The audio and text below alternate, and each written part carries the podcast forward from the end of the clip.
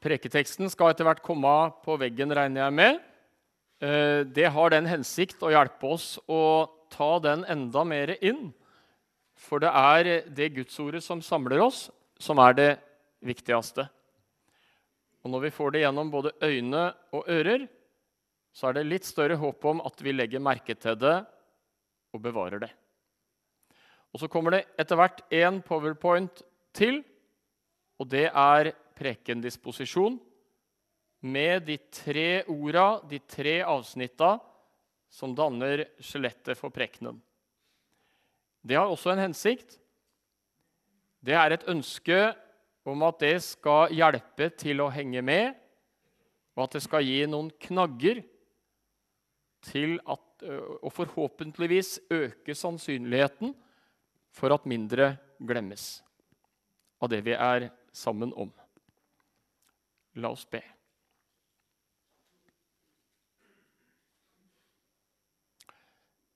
Kjære Gud, vi ber at du gir hver enkelt av oss akkurat det du ser den enkelte trenger. Amen. Markus evangeliet, kapittel 5, fra vers 25.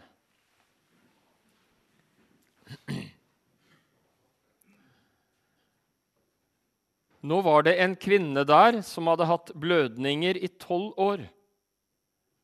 Hun hadde vært behandlet av mange leger og lidd mye. Og alt hun eide, hadde hun brukt uten å bli hjulpet. Det var heller blitt verre med henne. Hun hadde hørt om Jesus, og nå kom hun gjennom mengden og rørte ved kappen hans bakfra. For hun tenkte:" Om jeg så bare får røre ved klærne hans, blir jeg frisk. Med en gang stanset blødningen, og hun merket at hun var blitt helbredet for plagen. I det samme kjente Jesus at en kraft gikk ut fra ham, og han snudde seg i folkemengden og sa, 'Hvem rørte ved klærne mine?' Disiplene sa, 'Du ser hvordan folk trenger seg på deg.' Og så spør du hvem som rørte ved deg. Men Jesus så seg omkring for å, øye, for å få øye på den som hadde gjort det. Kvinnen skalv av frykt, for hun visste hva som var skjedd med henne. Og hun kom og falt ned for ham og fortalte ham alt som det var. Da sa han til henne, 'Datter, din tro har frelst deg.' Gå bort med fred, du skal være fri for din plage. Slik lyder Herrens ord.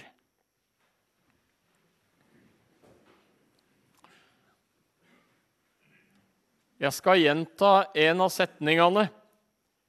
Eh, og Det er en lada setning. Det er det forresten mange setninger som er i den teksten vi har lytta til sammen. Men legg merke til denne setningen lidd mye hos mange leger. Alt hun eide, hadde hun brukt uten å bli hjulpet. Og så forsterkes det ytterligere i teksten. Det hadde heller blitt verre. Det rommer mye nød. Det rommer mye smerte, og det rommer mye fortvilelse, en sånn setning som det. Og det sier noe som eh, en del av dere veit mer om enn meg av erfaring. Den desperate nød som det er å være alvorlig syk. Og Mange av de tinga vi kan stresse med, mange av de tinga vi kan eh, bekymre oss for og bruke masse energi på liksom å skulle ordne opp i og fikse, blir ganske bagatellmessig sammenligna med dette ene. Kunne jeg bare blitt frisk? Kunne jeg bare fått en noenlunde fungerende helse igjen? Mange syke kan vitne om det. At det er liksom så mye annet som blir bagateller i forhold til det ene. Og dessverre så er det en del mennesker som misbruker den desperate nøden syke er i. Og som misbruker at syke er så desperat opptatt av å bli friske at det blir ofte en slags eh, naiv godtruenhet og lettlurthet som gjør at noen kan lure veldig mye penger ut av syke ved å utnytte nettopp den sårbarheten som syke mennesker har mye av. Og det fins det også dessverre med kristelige etiketter. Kvakksalvere som utnytter sykes sårbarhet til å skaffe mye penger. Det kan bli forferdelig dype sår av det. Og jeg har møtt noen mennesker som har blitt påført sånne sår. Kvinnen brukte alt hun eide. Hun satt altså igjen og hadde ikke nåla i veggen. Hun hadde brukt det for å prøve å bli frisk og for å prøve å følge de eh, velmente og kanskje litt for mange råd som kom. Prøv det, prøv det. Du, du skal høre, jeg har hørt om at eh, det der skal være lurt. Prøv det. Og Etter hvert hadde dama prøvd så mye at det var ikke noen ting igjen av pengene og eiendommen hennes. Og på toppen av det hele hadde sykdommen blitt verre.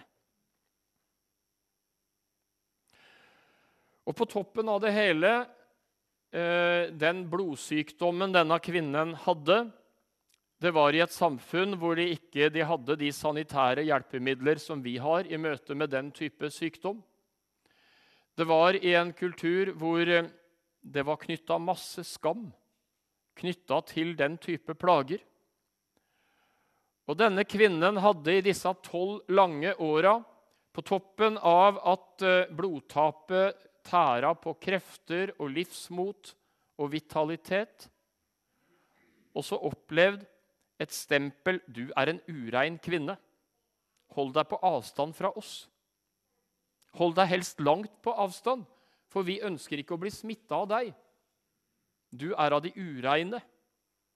Det skammens stempel og den sosiale smerte og sosiale isolasjon hadde denne dama levd med gjennom tolv år.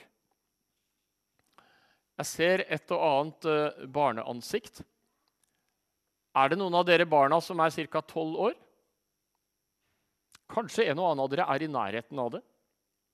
I hvert fall en tolvåring syns tolv år er veldig lenge. Stemmer det?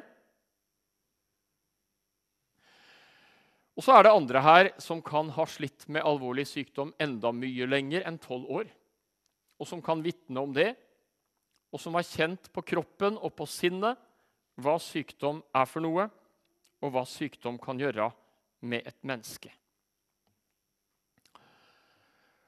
Og tilbake igjen til det der med den skammen som kvinnen opplevde. Skammen. Heldigvis så er det ikke den type skammekanismer i vår kultur knytta til den type sykdom. Heldigvis er det ikke sånn at uh, vi i nærheten av samme grad uh, erfarer at uh, folk med den type sykdom får en masse skamskyldfølelse på toppen, fordi du skulle jo ikke vært syk på den måten. Men skam er utbredt.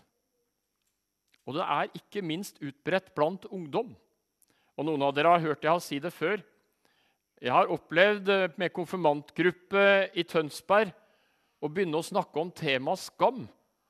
Og selv de som litt, uh, har litt en tendens til å sitte i krokene og hviske, de hører ekstra godt etter når temaet skam kommer på banen. Ungdom i dag spesielt, og ikke bare ungdom, utsettes for et eh, misforstått og urealistisk kroppsideal som er helt hinsides den sunne forstand på en måte som gjør at uh, ungdom med flotte, vakre kropper går med en forskrudd følelse av at min kropp skulle vært annerledes. Og med en skam over at jeg ser ut sånn som jeg ser ut. Og det er en tung byrde. En tung skambyrde som nok har blitt verre enn det var i tidligere tider på akkurat det feltet.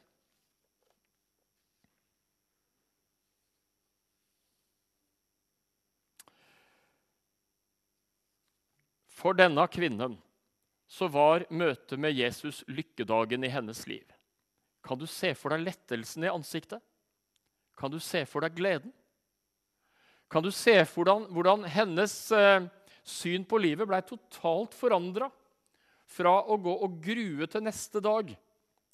Fra å gå og grue til enda en dag hvor alt som skal gjøres, er et ork, og hvor kreftene omtrent ikke er til stede i det hele tatt.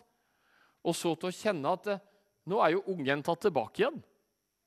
Nå er jeg frisk og opplagt og har overskudd og helse og sprudlende krefter. Og så stiller Jesus et spørsmål. Hvem var det som rørte ved meg? Hvorfor i alle dager trang Jesus å spørre om det? Det visste Jesus godt. Jeg tror det er Jesus sjelesørgeriske omsorg. Han visste at denne kvinnen trang å bekjentgjøre offentlig noe av det som hadde skjedd, det underet som hadde skjedd. Og jeg tror det var noe av Jesu forunderlige sjelesorg for henne som lidende enkeltmenneske å hjelpe henne inn i det sosiale livet igjen. Hun som hadde vært sosialt utestengt. Og, og så blei denne kvinnen først redd og falt skjelvende ned for Jesus. Og så forteller hun ting som det er. Og så blir denne kvinnen satt enda mer fri på enda flere plan. Det er typisk Jesus. Hvordan Jesus arbeider med mennesker, hvordan Jesus møter mennesker, og hvordan Jesus tar menneskers liv på alvor. Han ser din nød, han ser vår nød. Han arbeider ikke på samme måte og på samme tempoet som vi ofte hadde sett for oss var det beste. Men den omsorgen og det bankende hjertet for det ene mennesket som Jesus hadde for denne ene kvinnen, det har han for deg i akkurat samme grad og på akkurat samme måte denne sommersøndagen. Det kan du være helt sikker på. Din tro har frelst deg. Gå bort i fred. Du skal være kvitt plagen din. Gå bort i fred. Hun fikk legge det av hos Jesus. Hun fikk ta det fram for han. Vi skal få lov å fortelle det akkurat sånn som det er, med helseplager, med skamplager, med skyldplager, med synder vi sliter med og strever med og skammer oss over og stadig detter i på nytt og på nytt. Få komme til Han som er opptatt av å rense, Han som er opptatt av å helbrede, han som ser og forstår ditt liv sånn som ditt liv er.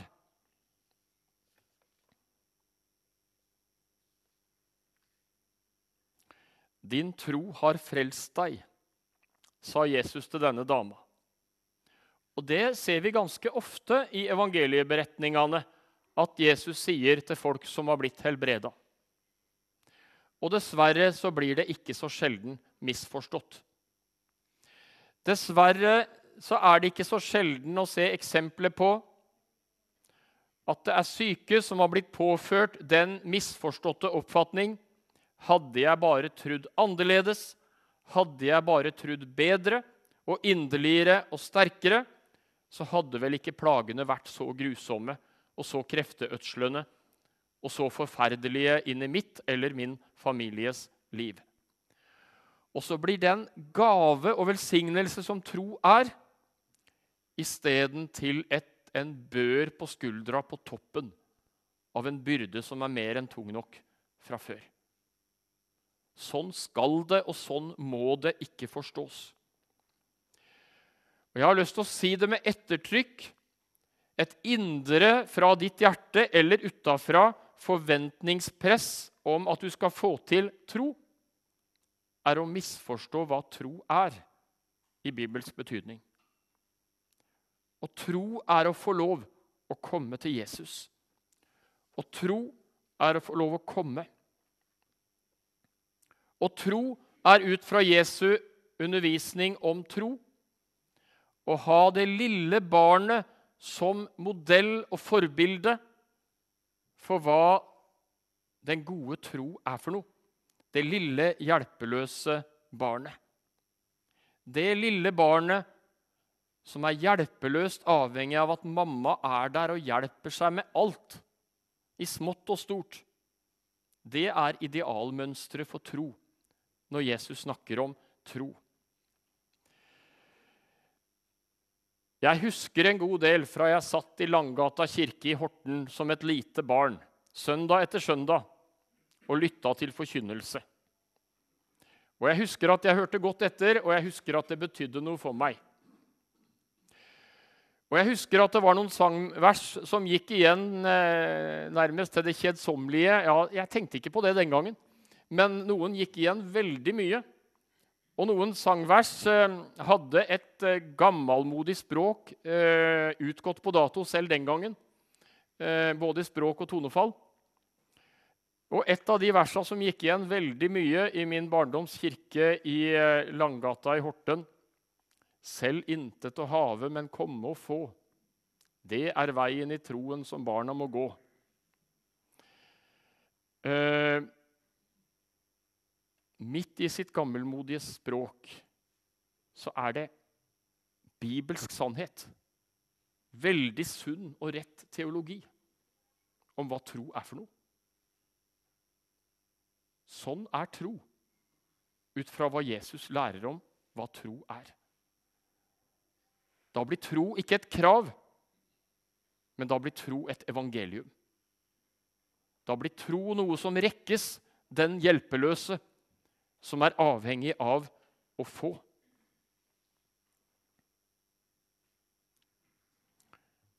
La du merke til hva slags tiltale denne lidende kvinna, denne skamtyngede kvinnen, denne beskjedne kvinnen som så vidt våga seg innpå Jesus bakfra og røre forsiktig ved det ytterste av hans klær.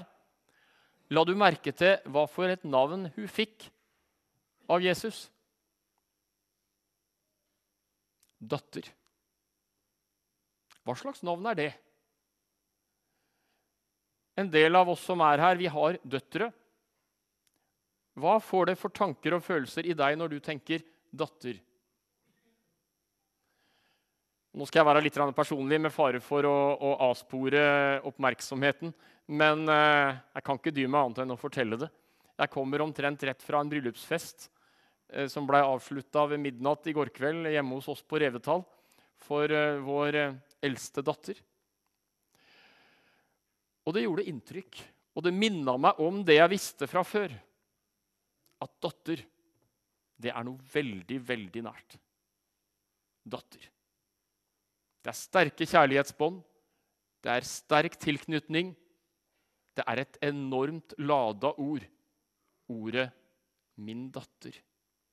Min kjære datter. Det ordet bruker Jesus til den skamtyngede, lidende kvinnen. Jesu datter. Hvordan var det for henne å høre det? Jeg tror ikke jeg hadde opplevd noe som ligna noen gang. Det sier mye om Jesus. Det sier mye om evangeliet. Det sier mye om det forunderlige det er å få lov å lytte til evangeliet og ta det inn og for Jesus skyld få være Jesu Kristi datter og få være Guds barn. Alle arverettigheter tilgitt for Jesus skyld. Få legge det fram. Få snakke sant om min synd, om det alvoret det er med den, og det jeg trenger å bekjenne for Gud og mennesker. Få snakke sant om det, få legge det av. For Jesu Kristi skyld, og få høre. Du er barnet mitt. Du er barnet mitt. Med alt hva det innebærer av gave, av lada innhold, av kjærlighet og ufattelig godhet i det ordet. Du er dattera mi, min kjære datter, som han, Jesus Kristus, elska inntil døden på korset. Og så kan du erfare i det datterforholdet til Jesus Kristus. Ånden selv går i forbønn for oss. Ånden selv, som gjør at vi roper 'Abba, far'. Den bønna som går dypere enn ord. Den bønna som er mye mer enn oppramsing av noen religiøse fraser, men som handler om noe av hjertets avhengighet av en frelser. Han kan jeg ikke klare meg uten.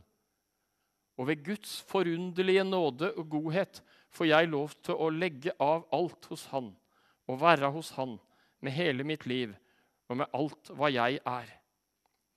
Og så gikk det en kraft fra Jesus til den kraftløse datter. Og hvis det er sånn at du akkurat nå i en slags åndelig sommerens tørke, hvis det er sånn for deg, kjenner kraftløsheten i ditt kristenliv Gud vil at kraften fra Jesus skal gå fra seg og til deg. Ta deg tett inn igjen i datterforholdet, i sønneforholdet. Du er jenta mi. Du er sønnen min. Du er gutten min. Og når Bibelen åpnes, og når nattverdbordet dekkes, så er det den kraften som går fra Jesus og til deg. Det er noe som er minst like stort som det som skjedde da folkemengden stimla seg rundt Jesus, og denne dama kom og rørte ved klærne hans. Så er det et mirakel av samme slag, åndelig talt, som skjer ved dette alterbord, når vi får lov å røre ved Jesus der. Og der, ved dette bord, enten du føler det sånn eller ikke, får løftes inn i det kraftfelt hvor kraften går fra Jesus og til deg, og hvor det er Jesus som jobber, ikke du. Og det er han som deler, og det er han som øser sine gaver til sitt lille barn. Kvinnen hadde slitt Jeg skal si til slutt. Kvinnen hadde slitt disse lange åra med sine blødninger.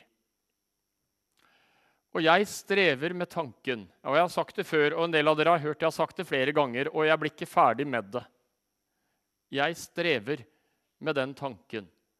Hvorfor er det så mange barn og ungdom, kvinner og menn, f.eks. i Ukraina, som blør, billedlig og bokstavelig talt? De blør. De mister sine lemmer, og de blør. Og jeg veit at eh, jeg tror det mye mer i Ukraina enn i Norge er bønnens folk. Som søker sin Gud, og som i dyp oppriktighet og i hjertens nød roper til sin Gud, og til den samme Gud som vi roper til. Hvorfor blir ikke mange flere av dem frelst fra sine blødninger? fra det grusomme de står i i disse dager. Jeg forstår ikke, og jeg vet ikke. Men det jeg legger merke til, er at i dette landet og i tilsvarende lidende situasjoner så tror jeg det er veldig få som bruker det som et argument mot Gud. Men de fortsetter å søke Gud og har kanskje mye nærere kontakt med Gud enn oss her i trygge Norge. Mens her i trygge Norge brukes lidelsen ganske ofte som et argument mot Gud. Og det er jo egentlig en selvmotsigelse. At de vi skulle trodd hadde brukt dette som et argument mot Gud, i liten grad gjør det. Men erfarer midt i det uforståelige, midt i at noen blir hjelpa sånn som de ber om og håper, og blir mirakuløst helbreda, og mange andre må vente i tålmodighet og får styrke og kraft til å leve med en uforståelig og grusom sykdom. Men bønnesvaret og hjelpe, hjelpa kommer ikke i nærheten av så raskt eller på den måten de så inderlig gjerne hadde ønska. Ja, lidelse er vanskelig. Det er det ingen tvil om når vi møter lidelse litt på nært hold. Men la oss midt i det, uansett gåtene, og uansett hva vi møter i eget eller andres liv, få eie en tillit til at far, han som kaller datter, han som kaller sønn, han veit. Han har omsorg. Uansett når eller hvordan det ønskede bønnesvaret kommer. Kjære Gud, vi ber for alle som er syke. Vi ber for alle som lider. Og vi takker for alle som får bønnesvar. Og vi ber om en tiltro til deg, til at du veit best hvordan og når.